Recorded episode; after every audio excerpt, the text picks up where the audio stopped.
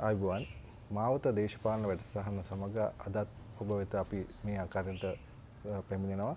මාවත දේශපාලන වැඩසටහනේ මූලික අරමුණ දේශපාලන තිරෙන් එපිට සිද්ධීන් සහ ජනතාව එතනදී කොයි ආකාරයෙන්ද මේ මතවාදාත්මක මැදිහත් වන්නේ කියන කාරණා ගැන සාකච්ඡා කරන්න. පසුගිය සතියේ අපි දැක්ක කාරණා කීපයක් තියෙනවා. දේශපාලන ශාස්ත්‍රයේ උණුසුම් කරපු කාරණා දෙකක් එහිදී අපිට දකින්න ලැබුණා. ඉන් එක් කාරණයක් තමයි ජනාධිපතිවරයා මහ බැංකු නිලධාරීන් තමන්ගේ කාර්යාලයට ගෙන්වා රටේ ආර්ථික තත්ත්වය ගැන විග්‍රහ කළා. ඒක සමහරු බැනවැදීමක් ඇටියට අර්ථකථනය කළා. ඒ වගේම හිටපු ජනාධිපති මෛත්‍රීපාල සිරිසේන විදේශ මාධ්‍යයකට සාකච්ඡා කරමින් කියා සිටියා සහ සහරාන්ගේ බෝම්බේ ඒ බෝම්බ ප්‍රහාරයට එයා වග කියා යුතු නෑ කියලා. දැන් මේ ගැන බැලුවොත් අපි සම්පත් දේශප්‍රිය සහෘදයාගෙන් අහමු බලන්න. මේ සිද්ධිය මේ මහ බැංකුවට නිලධාරීන් ගෙන්නලා ජනාධිපතිවරයා මේ අකට කතා කරපු එක ගැන මතය මොකක්ද මේ සම. ඔව් නෑ ඇත්තටම දැන් ජනාධිපතිවරයා දොස් කියපු එක ගැන සමහරුන්ට විවේචන තියෙන පුළුවන්. නමුත් දැන් මහ බැංකුව ජනාධිපතිට ඉතා පැහැදිලිව කියලා තිබ්බේ දැන් රටේ මේ කොරෝනා මේ ගැටලුවෙන් පස්සේ රට යථා තත්ත්වයට පත් කරන්න අවශ්‍ය කරන ආර්ථික සැලසුම් හරිගස්සලා දීලා තියෙද්දි ඇයි මේවා ක්‍රියාත්මක නොවෙන්නේ කියන කාරණේ සම්බන්ධයෙන් තමයි ඔහු සඳහන් කරලා තිබුණේ. ඇත්තට මේක ජනතාවගේ පැත්තේ සිට ජනතාවගේ පාර්ශ්වෙන් සිතා බලා කරපු කාරණයක් හැටියට තමයි දකින්න තියෙන්නේ. ඒක ඇත්තටම දොස් කීම තුලින් ජනාධිපතිට බලාපොරොත්තු වෙලා තිබ්බේ එහෙම නැත් තමන් ඉදිරිපත් කරපු දේ කරන්නේ නැත්නම් එහෙම ඔවුන්ට සැලසුම් හරි ගස්සලා දෙන්න කියලා තමයි ජනාධිපතිවරයා කියලා තිබ්බේ. මං හිතන්නේ නිලධාරීන් ඉන්නේ ඒ රටක් ඒ වගේ ලොකු ව්‍යසනයකට ලක් වෙච්ච අවස්ථාවක ඒ ඒකෙන් ගොඩ එන්නේ කොහොමද කියන එකට අවශ්‍ය කරන සැලසුම් හදලා ජනතාවකට සහන ලබා දෙන්න තමයි නිලධාරින්ගේ යුතුකම සහවගේ කීම. නමුත් ඔවුන් ඒක ඉෂ්ට කරන්න නැතුව සීතල කාමරටලා ඉන්න ඒ තත්ත්වය මංහිතන්නේ දිගින්දිකටම රටේ පැවතුන ඒතත්ව වෙනස් විය යුතුයි. රාජ නිලධාරීන්ට වගේම සිලු දෙනාටම වගකීමක් තියෙනවා. මේ ආර්ථික යළි ගොඩනාගල ජනතාවගේ ජීවිත යථාතත්වයට මහිත ජනාධිපතිවර ඔවුන්ට සඳහන් කළ ඒක. දැන් ඊට පසුවෙන්දා ඉඳලා මේ දේවල් ක්‍රියාත්මක වෙන්න පටන් ගත්තා. ඉතින් ඇත්තට මේ මේ මේ නිලධාරීවාදයට යට වෙලා රටක් ගොඩ ගන්න බැහැ කියන එක මම හිතන්නේ මහා බැංකුවට ඉස්සර ලොකු ප්‍රබල විවේචනයකුත් තිබුණා මහා බැංකුවේ නිලධාරීන්ට. ඉතින් මේ தත්ත්වය තමයි මම හිතන්නේ මේ මේ මේ ජනාධිපතිවරයා රටේ ජනතාව වෙනුවෙන් හිතලා පතලා ගත්තු තීන්දුවක් සහ උපදෙස් දීමක් හැටියට මම මේක දකින්නේ. එය විය යුතු දෙයක් ලෙස තමයි ජනතාවත් සිතන්නේ. නමුත් ජනාධිපතිවරයෙක් ජනාධිපතිවරයෙක් මේ ආකාරයකට නිලධාරීන් ගෙන්නල්ලා මෙහෙම බැනවැදීම ඒවා ප්‍රසිද්ධියට පත් කියන මාධ්‍ය ඔස්සේ ප්‍රකාශයට පත් කියන ප්‍රසිද්ධියට පත් මේක කොච්චරම් නායකයෙකුට ගැලපෙනවද දැන් මේ මේ රටේ මහ බැංකුව කියන ආර්ථිකයේ හදවත ආර්ථිකයේ හදවත නිසා තමයි ජනාධිපතිවරයා එතෙට ගිහිල්ලා උන්ට අවශ්‍ය කරන උපසේ ජනාධිපතිවරයා මොකටද රටේ ජනතාව මහජන ඡන්දයෙන් ජනාධිපතිවරයා පත් කරලා තියෙන්නේ ජනතාව වෙනුවෙන් නියෝජනය කරන්න. නැතු නිලධාරීන්ගේ පැත්ත අරගෙන නිලධාරීන්ට අවශ්‍ය විදිහට නටන රූකඩ ජනාධිපතිවරයෙක් අවශ්‍ය නැහැ. ඒ ජනාධිපතිවරයා තමන්ගේ ඩියුටිය තමයි කළේ. හැබැයි දැන් ජනාධිපතිවරයා ඒකයි මාධ්‍යයට ප්‍රකාශ කළේ ප්‍රසිද්ධ කළේ මේක ප්‍රසිද්ධ නොකළ යුතු දෙයක්. හැබැයි ඒකෙන් බැලුවම ජනතාවට ලැබිච්ච ලැබිච්ච මහලොකු මේ සිතක් තියනවද දැන් මෙහෙම කියලා රටේ මේකෙන් මට නම් පෙනුනේ මෙතනින් පෙනුනේ එකම දේ ජනාධිපතිව ලොකු මූල්‍ය අර්බුදය කළ. සල්ලි නැති. මහා හිඟයක ඉන්නවා වගේ කියන්නේ. ජනාධිපතිවරයා විතරයි නෙමෙයි මුළු ලෝකෙම ආර්ථික අර්බුදයකට ගිහිලා තියෙන්නේ මේ කොරෝනා ප්‍රශ්නෙත් එක්කලා. ජනාධිපතිවරයා පෞද්ගලිකව රටේ ආර්ථිකය ගැන වැරදි තීන්දුව අරගත්තයි කියලා කොහෙවත් සඳහන් කරන්න විදිහකුත් නැහැ. එහෙම ඔහුට එහෙම නිහඬ වෙන්න තිබ්බ නිලධාරීන්ට කරන්න ඉඩ දීලා. නමුත් ඔහු කිව්වේ මේ සැලසුම් හදලා මට දෙන්න. නිලධාරීන් ඉන්නේ ඒකට. ඉතින් ඒක ජනාධිපතිවරයා ගත්තු යහපත් තීන්දුවක් හැටියට ඒකට විවිධාර්ථකථන දෙන්න හැදුවට මම හිතන්නේ ඒක සාර්ථක නැහැ කියලා. කොහොමුණත් මේ ආර්ථික සම්බන්ධයෙන් මහ බැංකුව පහුවදාම නිකුත් කරනවා තමන්ගේ නිර්දේශ තමන්ගේ යෝජන එතනද ඉදිරිපත් කරපු ප්‍රධාන යෝජනාවක් තමයි ජනතාවට එකන ව්‍යාපාර කොරෝනාර්බුදය නිසා ව්‍යාපාර අඩපන වෙච්ච ව්‍යාපාරිකයන්ට සහන දෙන්න. ඒ සහන දෙන්න ඉදිරිපත් කරපු යෝජනාවලිය තියෙනවා බැංකු ශේෂය දෙදරුමකට ලක්වන යෝජනාව. ඒක කාටවත් තේරුන්නේ නැහැ. නමුත් ජනාධිපතිවරයාටවත් මං හිතන්නේ ඒක මූල්‍ය ශේෂ්ත්‍රයට දන්න විද්වතුන් නම් මේක ප්‍රකාශ කරලා තිබුණා. ඒ යෝජනාවක්. ඒ යෝජනාව තමයි 104 පොලියට ණය දෙනවා. 104 පොලියට ණය දීම නරක දෙයක් නෙමෙයි. ව්‍යාපාරිකයන්ට ඒක හොඳ දෙයක්. හැබැයි ඒක කරන්නේ මහ බැංකුව සතුව තියෙන බැංකු සංචිත බැංකු වලින් තමන්ගේ ආරක්ෂිත තැන්පතු තියලා තියෙනවා මහ බැංකුව. ඒකෙන් භාගයක් මහ බැංකුව නිදහස් කරනවා බැංකු වලට. එතකොට බැංකුවල දෙදුරුමක් නෙවෙන්නේ බැංකුවල ද්‍රව්‍යශීලතාවයට මේක ප්‍රශ්නයක්. දැන් මේ වගේ තීන්දුවක් ගන්නද මෙහෙම නිලධාරීන් ගෙනල්ලා බැනවදින්නේ. ඒ වගේම තවත් කතා පළ වුණා මහ බැංකුව අධිපතිවරයාත් ඉල්ලා අස්සෙන්න ගියා කියලා.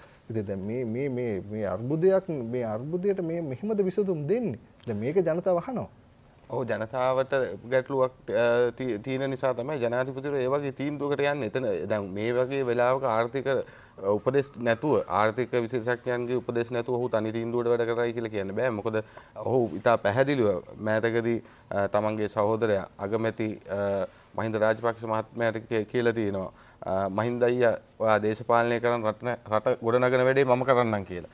ඉතින් ඇත්තටම දැන් ඒක විශිෂ්ට ප්‍රකාශයක්. මොකද දැන් රට හදන්න තමයි ජනාධිපතිවරයා පත් කළේ. ඉතින් ඔහුගේ ඩියුටි ඔහු ඒ විදිහට කරගෙන යනවා. ඉතින් ඒකට විවිධ අර්ථකථන ආර්ථික විශේෂඥයන්ට පඬිතෙන්ට එක එක දේවල් කියන්න පුළුවන්. නමුත් ජනතාව බලාපොරොත්තු වෙන්නේ ජනතාවට ලැබෙන්න ඕන මේ වෙලාවේ තියෙන සහන සහ කඩාගෙන වැටෙන්න යන ආර්ථිකය ගොඩ නගන්න මේ වෙලාවට තියෙන ක්ෂණික කෙටි කාලීන විසඳුම් මොනවද? මුදල් නැමැති නැතුව ගෙනල්ලා අයියා නැතුව ගෙනල්ලා මල්ලි එහෙම කතා කරනවා මුදල් නැමැති ඉන්නේ පයතනේ උපදෙස් දෙනකොට මුදල් නැමැති අයින් කරලා මේ අයියා අයියා අයියා මුදල් නැමැති නෑ ඔවුන් අතර එහෙම කිසිම ගැටලුවක් නෑ දැන් ඒක මාධ්‍ය සහ විපක්ෂය විසින් ගොඩනගන්න හදන තර්කයක් ඔවුන් දෙදෙනා දැන් මේ දැන් මේ වැනි ප්‍රකාශයක් කළාවිද අයියා දේශපාලනය කරන්න මම රට හදන්නේ ඔවුන් පුළුල් අවබෝධකින් සහ එකඟතාවයක මේ ගමන යන්නේ. ඉතින් එහෙම වෙලාවට දැන් මේ අගමැතිවරයා එදා රැස්වීම හිටියේ නැති එකට හේතු දක්වලා තිබුණා. ඉතින් මම හිතන්නේ ඒවා නෙමෙයි ගැටලු මේ වෙලාවේ ජනතාවට මොකක්ද දෙන්න පුළුවන් සහනය ඒක ඉතා කෙටි කාලෙම දීර්ඝ කාලිනව ඔබ කියන ආකාරයට දීර්ඝ කාලිනව ගැටලු මතුවෙනකොට ඒවට දීර්ඝ කාලින විසඳුම්. දැන් කෙටි කාලිනව ජන ජීවිතය අවුල් වෙලා තිනවා ආර්ථිකය කඩා වැටිලා තිනවා මේ කොරෝනා ප්‍රශ්නේ නිසා. ඉතින් ඒකෙන් ගොඩ එන්න ව්‍යාපාරිකින්ට දෙන සහන දෙන එක වරදක් කියලා ජනතාවගේ පැත්තෙන් කවුරුත් කියන්නේ නැහැ. ජනතාවගේ ජනතාවට ඒ සහන දෙන්න ඕන ක්‍රමවේදය මම කිව්වේ. ජනතාවට සහන දිය යුතු නෑ නොදිය යුතුයි කියලා කියන්නේ ජනතාවට සහන දෙන ක්‍රමවේදය තියෙනවා. දැන් බුල්ඩෝ ඩෝසරයක හැන්දකින් ඩෝසරයක හැන්දකින් පස්ටික දාලා කං හැන්දකින් ඒක ගන්නවනම් එහෙම නැත්නම් තේ හැන්දකින් ඒක ගන්නවනම් එතකොට ඒ ඒ කොහොමද කොච්චර කාලයක් යනවද ඒක එන්න? දැන් එතනදී තියෙන ප්‍රශ්නේ තමයි දැන් මහා බැංකු වලින් 104 පොලියට ණය දෙනවා. 104 පොලියට ණය දෙනවා. ඒ ණය අය කරගන්න වේ මාස 3ක් ගිහිල්ලා. එතකොට මේ මාස 3ක් ගිහිල්ලා මේ ණය අය කරගන්නකොට පොලිය විතරයි ඊළඟ මාස තුනේ අය කරගන්නේ. මේ අය කරගන්නකොට මේ දීපු බැංකුවල තියෙන ස්ථාවරත්වයට මොකද වෙන්නේ? මිනිස්සෙකුට ගිහිල්ලා තමන්ගේ තැන්පතුව ගන්න බැරි තැනකට මේ බැංකු පද්ධතිය කඩන් වැටෙනවා. ඔව් දැන් ඔය ඔය ඔය විවේචන ඉදිරිපත් කරන පිරිස පහුගිය කාලේ මහ බැංකුව හොරා කෑවා. මහ දවල් මහ පෙනිපෙනි මහ බැංකුව හොරා. ඒ කවුරුත් ඒ දේවල් ගැන දැන් අද කතා කරන්නේ නැහැනේ. දැන් මේ ආර්ථිකයට වෙච්ච ලොකුම ඉතිහාසෙ වෙච්ච ලොකුම දේ උනේ මහ බැඳුම් කර වංචාවත් එක්කලා. ඉතින් එවැනි තැනක සිද්ධ වෙච්ච ඒ ඒවා දේවල් කරපු අයම තමයි ඔය විවේචන ඉදිරිපත් කරන්නේ. නමුත් මං හිතන්නේ ජනතාවගේ පාර්ශවයෙන් ජනතාව ඒකට ඉදිරි මැතිවරණයේදී උත්තර දෙවි කියන එක අපිට හිතන්න පුළුවන්. මොකද දැන් ජනාධිපතිවරයාගේ උපන්දිනයේ තිබුණේ අද අපි මේ වැඩසටහන කරන දවසේ. හරි. ආගමික වැඩසටහන් පමණයි ඔහු තියන්න කියලා තිබුණේ. වෙන උත්සව නැහැ. හරි. ඉතින් වෙන ජනාධිපතිවරුන්ගේ කාලවල වල තිබිච්ච මහජන මුදල් කාබාසීනය කරන උත්සව හරි. ඒ දේවල් ඔහු මුල සිටම ඔහු අනුගමනය කරනවා ඔහු ආදර්ශයක් දෙනවා ජනතාවට හැමතිස්සෙම සහ දේශපාලනයට නව දේශපාලන සංස්කෘතියක් තමයි ඔහුගේ බලාපොරොත්තුව.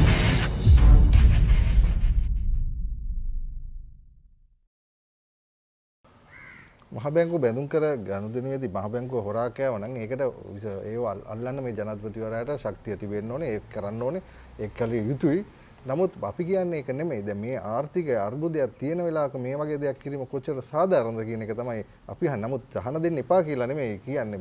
සහන නොදීම පමණක් නෙමෙයි මේ මේ මතු කරන දේ. මෙතන තියෙන ඒ ආර්ථික විශේෂඥයන් මතු කරන ඒ කාරණය ගැනයි. දැන් මොකද බැංකු පද්ධතිය කඩා වැටෙනවා කියන්නේ ඒක රටටම ප්‍රශ්නයක්. මොකද දබන අගෝස්තු සැප්තැම්බර් වන වෙනකොට තව ඩොලර් බිලියන එකක අපි ණය පොලිය ගෙවන්න තියෙනවා. දැන් මේ වගේ ආර්ථික අර්බුදයකින් ඒකට විසඳුම් තමයි මම හිතන්නේ හොයන්න ඕනේ. මේ වගේ ශනික විසඳුම් ජනතාවට අමාරු වෙන්න පුළුවන්. ජනතාවට මේ ප්‍රශ්න තියෙන්න පුළුවන්. ඒවත් විසඳගෙන ඒ වගේ ක්‍රමයකට තමයි යා යුතු කියන එක තමයි මතුවෙන තර්කය. ඔව් දැන් ඒ කරපු මහ බැංකුව අංචාව සම්බන්ධයෙන් දැන් හිටපු ජනාධිපති මෛත්‍රීපාල සිරිසේන සහ හිටපු අගමැති රනිල් වික්‍රමසිංහ මහත්මයාගෙන් ප්‍රකාශ ලබා ගන්න යනවා කියලා අපිට දැනගන්න තියෙනවා. මම හිතන්නේ රාජ් පොලිසිය අද හෙටම ඔවුන්ට දැනුම් දීලා පසුව ඔවුන්ගෙන් ප්‍රකාශ සටහන් කරගනිමි. ඉතින් ඒව ගැනත් හොයනවා. ඒව ගැන පරීක්ෂණ ඒව දිගටම සිද්ධ වෙනවා. ඒවට අවශ්‍ය කරන දඬුවම් ඒ නිසි කාලට වෙලාවට ලැබෙයි කියලා විශ්වාස කරන්න පුළුවන්. මොකද පැහැදිලි සැලැස්මක් අතුව ජනාධිපතිතුමා වැඩ කරන නිසා. පහුගිය සතියේ කැබිනට් මණ්ඩලයක් රැස් වුණා. කැබිනට් මාධ්‍ය හමුව පවත්වනවා. ඒකෙදි මාධ්‍යයේදීන් ප්‍රශ්නයක් අහනකොට ප්‍රශ්නයක් අහන්න පෙරම කියනවා බඳුරු මුරාදර මාධ්‍ය ප්‍රකාශකතුමා ලංකාවට එන විදේශ තැපැල් ගුවන් තැපැල් මේ පහුගිය කොරෝනා නිසා ආවේ නැහැ. ඒවා ආවේ නැවෙන් ඒ නැවෙන් ආපු පාර්සල් වල විදේශ තැපැලෙන් එන භාණ්ඩ පාර්සල් වල මැකිලයි කියලා මේ අංක මේ නම් රෙඩ්‍රස් ලිපිනෑ මේ මේවා මැකිලයි කියලා කියන දැන් මේ මේක වගේ ප්‍රශ්න තින නමුත් ඊට වඩා දෙයක් වෙන්න ඇති මංහිතන්නේ කැබිනට මන් ලෙස ආණ්ඩු පක්ෂ කණ්ඩෑ මත මේට ආණ්ඩු පක්ෂේ මන්ත්‍රී කණ්ඩෑම රැස්වීමක් තිබල තිබුණ සිලු දෙනාගේ සිලු දෙනයකට සභාගලා තිබ සිලු පක්ෂවල නියෝජතින් හම්බන්ධ වෙලා තිබුණ. අගමතිරක ප්‍රධානත්වෙන් තමයි මහිතන්න මේ පාර පක්ෂ රැස්වීම මන්ත්‍රී කණ්ඩෑන් රැස්වීම තිබුණේ. එතන්ද විශේෂෙන් අවධාන ලක් කලා තියෙන මේ මැතිවරණයට අදාළ කරුණු කීපයක් සම්බන්ධය තියෙන දුෂ්කරතා සහ ගැටලු ගන්නාවක් සම්බන්ධය මන්ත්‍රීවරු තමන්ගේ අදහස් දක්වල තිබුණා. ජන අගමැතිවරයා එහිදී විශේෂයෙන් කියලා තිබුණා දිස්ත්‍රික් කාර්යාල පිහිටුවීමේදී. මන්ත්‍රීවරුන්ට ආකර්ශනීය තැන් ඒ සඳහා සුදුසු ආකර්ශනීය තැන් තෝරගන්න ඒ වගේම මැතිවරණ නීති අකුරටම ක්‍රියාත්මක කරන්න විශේෂයෙන් ඔහු සඳහන් අගමැතිවරයා සඳහන් කරලා තිබ්බා මම හිතන්නේ ඒක අලුත් දෙයක් අලුත් අදහසක්.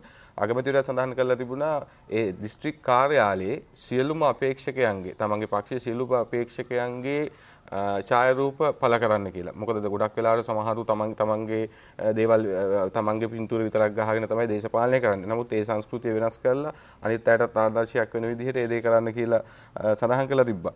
ඒ වගේම එතෙන්දී වාසුදේව නානක්කාර මන්ත්‍රීවරයා අදහස් දක්වලා කියලා තිබුණා මේ මැතිවරණ ක්‍රමය මේක දීර්ඝ කාලයක් තිස්සේ කතා වෙන දෙයක්ට සමාජය සහ රටේ අපි හැමදාම මැතිවරණ කාලවලදී මේ දේ ගැන කතා කරන මේ මැතිවරණ ක්‍රමය වෙනස් විය යුතුයි කියලා. මොකද මේ මැතිවරණ ක්‍රමයේ යටතේ සාමාන්‍ය කෙනෙක්ට එන්න තියෙන ඉඩකඩ ඊටාම අඩුයි.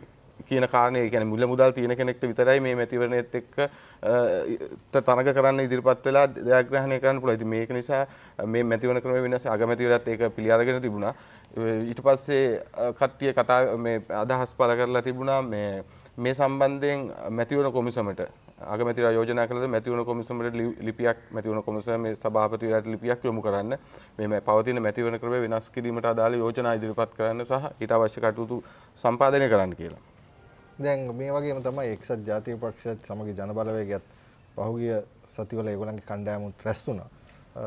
සමගි ජනබලවේගයේ නායක හිටපු විපක්ෂ නායක සජිත් ප්‍රේමදාස මහතා ප්‍රකාශ කරලා තිබුණා ඔහු මැතිවරණය වෙනුවෙන් ගම් මට්ටමේ බිම් මට්ටමේ රැස්වීම් සංවිධානය කරනවා කියලා. එතනදී ඔහු මැතිවරණ රැස්වීම් 1000ක් නමතන්න ඔහු සූදානම් වෙනවා. මේ මේ වගේ ගමින් ගමට යමින් පාක්ෂිය රැස් කරගනිමින් කරනවා. දැන් ඔහුත් උපදෙස් දීලා තිබුණේ සෞඛ්‍ය ආරක්ෂාවට. ඒ සෞඛ්‍යංශ දෙන ඒ ඒ නියාමනයන්ට අනුකූලව කටයුතු කරන්න තමන්ගේ දේශපාලන රැස්වීම් කරන්න කියලා. දැන් මේ අතර එක්සත් ජාතික පක්ෂයත් මේ ගැන සාකච්ඡා කරලා තිබුණා. රනිල් වික්‍රමසිංහ මහත්මයාත් ඒක සාකච්ඡා කරලා තිබුණා.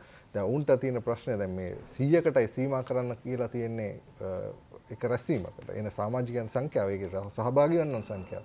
ඒතකොට එක රැස්වීමකට 100ක් ගෙනල්ලා ඉතුරු පිරිසට පණිවිඩය යවන්නේ කොහොමද කියන ගැටලුව මේ මැතිවරණයේ පුරාම පවතින කාරණයක්. විශේෂයෙන් දැන් සඳහන් කරන ඔබ සඳහන් කරපු කාරණේම දැන් අර මම කලින් සඳහන් කරපු ආණ්ඩු පක්ෂ රැස්වීමේදී අවධානය යොමුලා තිබුණා ගාමිණී ලොග්ගේ මන්ත්‍රීවරයා මම හිතන්නේ ඒ අදහස පළ කරලා තිබුණේ. ඔහු කියලා තිබ්බා දැන් මේ මේ මේ ප්‍රචාරක කටයුතු මේ විදිහට කරන්න බැරි නිසා හුඟක් වෙලා දැන් Tamanට සිද්ධ වෙන්නේ මාධ්‍යවල දැන්වීම් පළ කරලා තමන්ගේ ජනතාවට මේ පණිවිඩය කියන්න. ඉතින් ඒක ඒකද මැතිවරණ කාලවලදී ඒක සඳහා විශේෂ මිල ගණන් තමයි තියෙන්නේ මේ ආයතනවල මාධ්‍ය ආයතනවල. ඉතින් ඒක ලොකු වියදමක් දරන්න වෙනවා කියන කාරණෙත් ඔහු සඳහන් කරලා තිබ්බා. ඒ වගේම තව කාරණයක් මම හිතන්නේ අවධානයට ලක් වෙලා තිබුණා මේ ඡන්ද නාම මේ ඡන්ද මැතිවරණ ප්‍රචාරක රැස්වීම වලට එන අයගේ නාම ලේඛනයක් මහජන සෞඛ්‍ය පරීක්ෂණට ලබා දෙන්න කියලා. ඉතින් මං හිතන්නේ මේවා ඉතා දුෂ්කර කටයුතු. දැන් ඒ ජනතාව කැමති නෑ ඒ වගේ දේවල් වල ජන සහභාගී. ඉතින් මේ මේ මේ මැතිවරණ ක්‍රියාවලිය තුලම ඇත්තටම ලොකු අර්බුදයක් දකින්න තියෙනවා මං හිතන විදිහට. ඔය එක්සත් ජාතිපක්ෂ නායකයත් කියලා තියෙන ඒ කාරණේම තමයි දැන් මේ අර්බුදයක් තියෙනවා. මේ අර්බුදයට අපි විසඳන්නේ කොහොමද? අපි දැන් මිනිසුන්ට ගෙවල් වලට යන්නේ කොහොමද? ගෙවල් වල මිනිස්සු අපිව පිළිගනීද? අපිව අපි කියන පණිවිඩය ඒගොල්ලෝ බාරගනීද අපි දෙන හෑන්ඩ් බිල් එක ඒගොල්ලෝ බාරගනීද දැන් මේ වගේ කාරණා තියෙනවා ලොකු අර්බුදයක් තියෙනවා මේ ප්‍රචාරණයේදී. ඉතින් සල්ලි තියෙන මනුස්සයට දැන්වීම් දාලා ප්‍රචාරණ කටයුතු කරන්න පුළුවන් ඒ සියලු දේ කරන්න පුළුවන්. නමුත් මුදල් නැති මනුස්සයට ඒක කොහොමද කරන්නේ?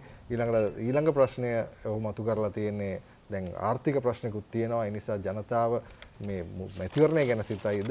එහෙම නැත්නම් ආර්ථිකය ගැන සිතයිද කියලා. දැන් මේ මේ නිසා මේ වගේ ගැටලු ගන්නවා. ඉතින් ඒ වගේම ජනතා විමුක්ති පෙරමුණත් තමන්ගේ බිම් මට්ටමේ සංවිධාන කටයුතු කරමින් යනවා. ඔවුන් ගේයින් ගෙට යන වැඩපිළිවෙල සාකච්ඡා කරමින් ඉන්නවා. නමුත් දැන් මෙතන මේ කොරෝනාත් සමග අලුත් ප්‍රචාරණ යාන්ත්‍රණයක් තමයි ක්‍රියාත්මක කරන්න සෑම අපේක්ෂකයන්ටම සිදු වෙලා තියෙන්නේ. එතනදී තියෙන කෙනාට ඉදිරියට යන්න පුළුවන් වෙයි.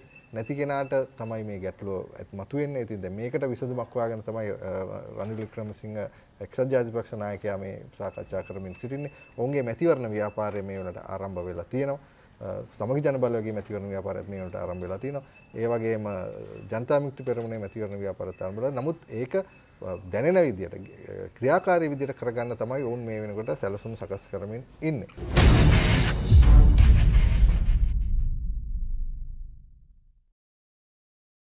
ඔව් ඒ වගේම ලසන්ත දැන් මේ රාජ්‍ය ආයතනවල තියෙන සම්පත් යොදා ගන්න කියන චෝදනාවක් තියෙනවා බරපතල විදිහට මැතිවරණවලදී රාජ්‍ය ආයතනවල තියෙන සම්පත් මාධ්‍ය ඒකක ඒවා පාවිච්චි කරමින් තමන්ගේ ප්‍රචාරක කටයුතු කරන්න දේශපාලඥයන් කටයුතු කරමින් ඉන්නවා කියන. දැන් මේ පාර මම හිතන්නේ ජනාධිපතිවරයා නෙමෙයි මැතිවරණ කොමිසමේ සභාපතිවරයා මැතිවරණ කොමිසමේ සභාපතිවරයාත් සඳහන් කරලා තිබුණා ඒ සඳහා මේ ඒක නතර කරන්න අවශ්‍ය කරන නීතිමය වැඩ කටයුතු ඔහු විසින් කරනවා කියලා. ඒ වගේම රජයේ සේවකීන්ට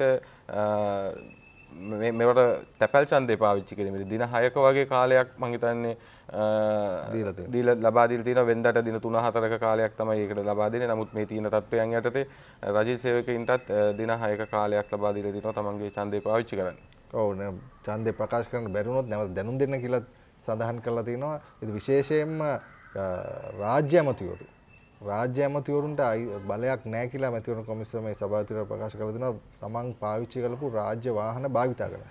දැන් ඒක හොයන්න ඔහු වෙනම කණ්ඩායමක් පත් කරලා තිනවා. ඒ කණ්ඩායමට කියලා තිනවා ගිහිල්ලා මේ ගැන සොයන්න මේ බලන්න මේගොල්ලෝ මේව පාවිච්චි කරනවා කියලා බලන්න. ඒ වගේම රාජ්‍ය පරිපාලන අමාත්‍යාංශයට උපදෙස් දීලා තිනවා කිසිම හිටපු රාජ්‍ය ඇමතිවරයෙකුට ඔහුගේ කාර්යාල, ඔහුගේ සේවකයන්, කාර්ය මණ්ඩල කිසිම කෙනෙක් තමන්ගේ මැතිවරණ ව්‍යාපාරය වෙනුවෙන් සහභාගී කරවන්න ඉඩ දෙන්න එපා. ඒවා ඒ වෙනුවෙන් නීතිය ක්‍රියාත්මක කරන්න කියලා. එතනදී මැතිවරණ කොමිසම නිලධාරීන් පහුගිය දවසක් ගිහිල්ලා හිටපු ජනාධිපතිවරයාගේ ප්‍රචාරණ ව්‍යාපාරයක් තිබුණා. ඔහු උසස් පෙළ සමත් සිසුන්ට තෑගි දෙන්න ලෑස්ති කළා. දෙනවා. සාමාන්‍ය පෙළ සමත් සිසුන්ට තෑගි දෙන්න ලෑස්ති කළා තිබුණා පොළොන්නරු. මැතිවරණ නිලධාරීන් ගිහලා ඒක නැවැත්තුවා. නවත්තලා ඒ ඒක ඒ කණ්ඩායම එතනින් පිටත් කරලා හැරියා. ඉතින් මේ වගේ සම්බන්ධ වෙලා ඔවුන් ඒ කටයුතු කරගෙන යනවා මැතිවරණ නිලධාරීන් ඒ කටයුතු කරගෙන යනවා. ජනාධිපතිවරයාවත් හම් වෙලා තිබුණා මැතිවරණ කොමිසමේ සභාපති ඇතුළු සමාජිකයන්. ඔවුන් එතනදිත් ඒ ගැන බොහෝ දේවල් මැතිවරණ කටයුතු කරන ආකාරය ගැන මේ වගේ කාරණා බොහොමයක් සාකච්ඡා කරලා තිබුණා. දැන් මේ මැතිවරණ ව්‍යාපාරය මේ ආකාරයට කරගන්න මොකද ප්‍රධාන රැස්වීම් තියන්න වෙන්නේත් ඒ 500 දෙනෙකුට විතරයි. ප්‍රධාන රැස්වීමකට කැඳවන්න පුළුවන් 500කට විතරයි. ගම් මට්ටමේ බල මණ්ඩල රැස්වීම පවත්වනවා නම් 100කට වඩා කැඳවන්න බෑ. දැන් මේ වගේ තත්ත්වයක තමයි මැතිවරණ ව්‍යාපාරය කරගෙන යන්න තියෙන්නේ. ඉතින් මේ මැතිවරණ කටයුතු වලට දැන් තාම ප්‍රචාරණ කටයුතු පටන් අරන් තින්නේ සමගි ජන බලවේගයේ පමණයි මේ වනකොට ගම් මට්ටමින් යමින් ඔවුන්ගේ බල මණ්ඩල රැස්වීම පවත්වනවා. දැන් මේ தත්ත්වය මත විපක්ෂයේ කාර්යභාරය ගැන ලොකු ගැටලු පහුගිය දේම ආණ්ඩු පක්ෂයෙන් මතු කරලා තිබුණා. දැන් විපක්ෂය මතු කරන තවත් චෝදනා තමයි සමගි ජන බලවේග විශේෂයෙන් මතු කරන්නේ මේ මේ සාකච්ඡා වලදී මේ ආණ්ඩු පක්ෂ හැමතිස්සෙම ඔවුන්ට ප්‍රහාර එල්ල කරනවා කියලා සමගි ජන බලවේගයට. දැන් ආණ්ඩුව විශේෂයෙන්ම සමගි ජන බලවේගයට ප්‍රහාර එල්ල කරන්න සූදානම් තියෙනවද එක්සත් ජාතික පක්ෂයට ප්‍රහාර එල්ල කරන්නේ නැද්ද? දැන් මේ මේ සම්බන්ධයෙන් ආණ්ඩු පක්ෂේ කතා වෙලා තියෙනවද මොකද? සමග ජන බලවේගයට ප්‍රහාරය එල්ල කරන්න දෙයක් නැහැ නේ ලසන්ත ආණ්ඩුවට මොකද ආණ්ඩුවට අභියෝගයක් නෙමෙයි සමග ජන බලවේගය විශේෂයෙන්ම දැන් ඔවුන්ට තියෙන දේශපාලන සැලසුම තමයි සිරිකොතේ බලය අල්ලා ගැනීම. සිරිකොතේ බලය අල්ලා ගන්න ඉන්න කණ්ඩායමකට විශේෂයෙන් ප්‍රහාර එල්ල කරන්න ආණ්ඩුවකට අවශ්‍යතාවයක් නැහැ. ඉතින් ඔවුන් රටේ බලය අල්ලන්නේ නෙවෙයි ඉන්නේ ඔවුන් ඉන්නේ සිරිකොතේ බලය. අන්න ඒ වගේ විපක්ෂය තමන්ගේ කාර්යභාරය හරියට තේරුම් අරගෙන නැතුව දෙකඩ වෙලා කට්ටිවාදී විදිහට කල්ලිවාදී විදිහට කටයුතු කරනවා. ඉතින් ඉතින් ආණ්ඩුවට ඒක වඩා වාසිතාවකට ආණ්ඩුවට කිසි අභියෝගයක් නෙවෙයි මේ සමග ජන බලවේගය. ඉකුත් සතියේ රට උණුසුම් කළ දේශපාලන කාරණා ගැන අපි කතා කළා. ලබන සතියේ රට උණුසුම් කළ දේශපාලන කාරණා සමග මාවත සමග අපි නැවත හමු වෙමු.